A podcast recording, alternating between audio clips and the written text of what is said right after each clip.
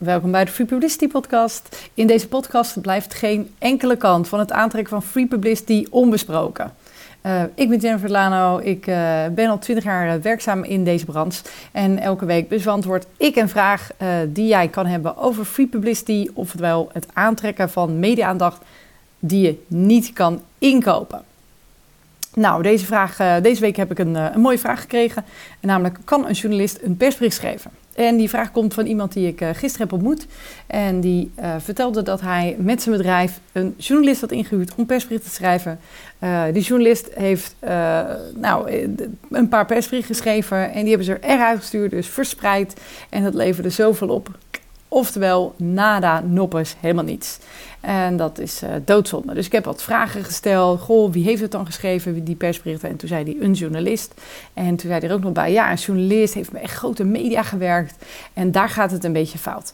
Um, als iemand goed is in het schrijven van artikelen voor grote media, betekent dat absoluut nog niet dat iemand in staat is om een goed persbericht te schrijven.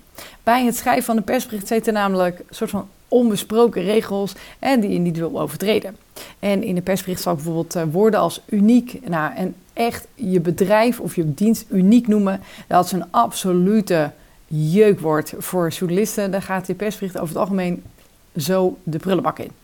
Oftewel, um, als je een artikel kan schrijven, dat betekent nog niet dat je een persbrief kan schrijven. En het is ook niet zo dat als je iemand inhuurt die ervaring heeft met een heel groot medium en die stuurt dat naar een collega-journalist eventjes op, dat betekent nog niet dat iemand direct denkt: Oh, het is van een uh, collega, kom, we gaan meteen publiceren. Daar is wat meer voor nodig. En daar zit ook het verschil in tussen een, een, een journalist en een PR-agent. Um, het, het is toch een ander vak. En een stukje tekst schrijven betekent nog niet publiciteit. En het betekent ook niet dat als dus als journalist collega naar iemand stuurt dat het maar meteen uh, wat oplevert. Dus ik, ik wil je graag uitzondering daar gelaten. Misschien zitten er tussen journalisten die echt de boel goed gepubliceerd kunnen krijgen. En ik hoop het, hè. Maar ik, uh, mijn ervaring is in ieder geval dat uh, het niet direct zo is als je een journalist inhuurt voor het schrijven van een persbericht, dat het een goed persbericht uitkomt. Um, nou, ik heb ervaring met het inhuren van journalisten die zeiden een persbericht te kunnen schrijven, uh, kwamen aan met een persbericht. En toen zei ik, ik zou het knap vinden als je die weggezet krijgt. En inderdaad, uh, dat leverde publicitair heel weinig op. Dus, um, kijk, als je een journalist inhuurt voor het schrijven van een persbericht, eventjes naar wat het heeft opgeleverd de vorige keren en vraag ook door. Um, bij wie denk je dit weg te kunnen zetten dan? Uh, heb je ervaring met het schrijven van persberichten? Wat leverde de vorige dan op?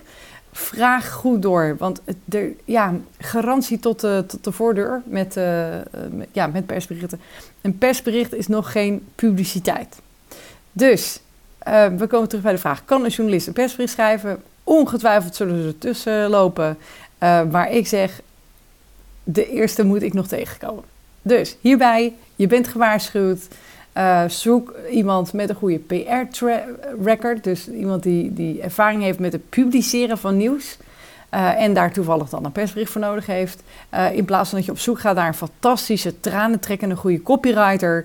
Um, die zegt dat hij daarmee publiciteit kan aantrekken. Of nog erger, die een mooi persbericht voor je schrijft. Althans, wat diegene dan mooi vindt. Hè. En vervolgens zit jij met. ja, zit jij met um, met de ellende van, uh, van geld betalen, veel geld betalen en vervolgens helemaal niks publiceren. Goed, je bent gewaarschuwd.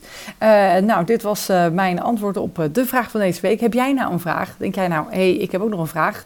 stuur dan eventjes op naar contact.prgoeroes.nl en wellicht uh, beantwoord ik volgende week jouw vraag. Um, nou, ik wil natuurlijk uh, je hartelijk danken voor je tijd. Fijn dat je erbij uh, was. Um, heb je iets geleerd hieruit? Dan zou ik zeggen, nou, klim in de pen. Ga eventjes op social media, deel deze podcast. En tag mij natuurlijk in, Jennifer Delano, dan, dan zal ik die verder delen. Um, nou, wat, wat ook een goed idee is om eventjes op zoek te gaan naar de abonneerknop en je even te abonneren, dan ben je de volgende week er weer bij. Tot ziens!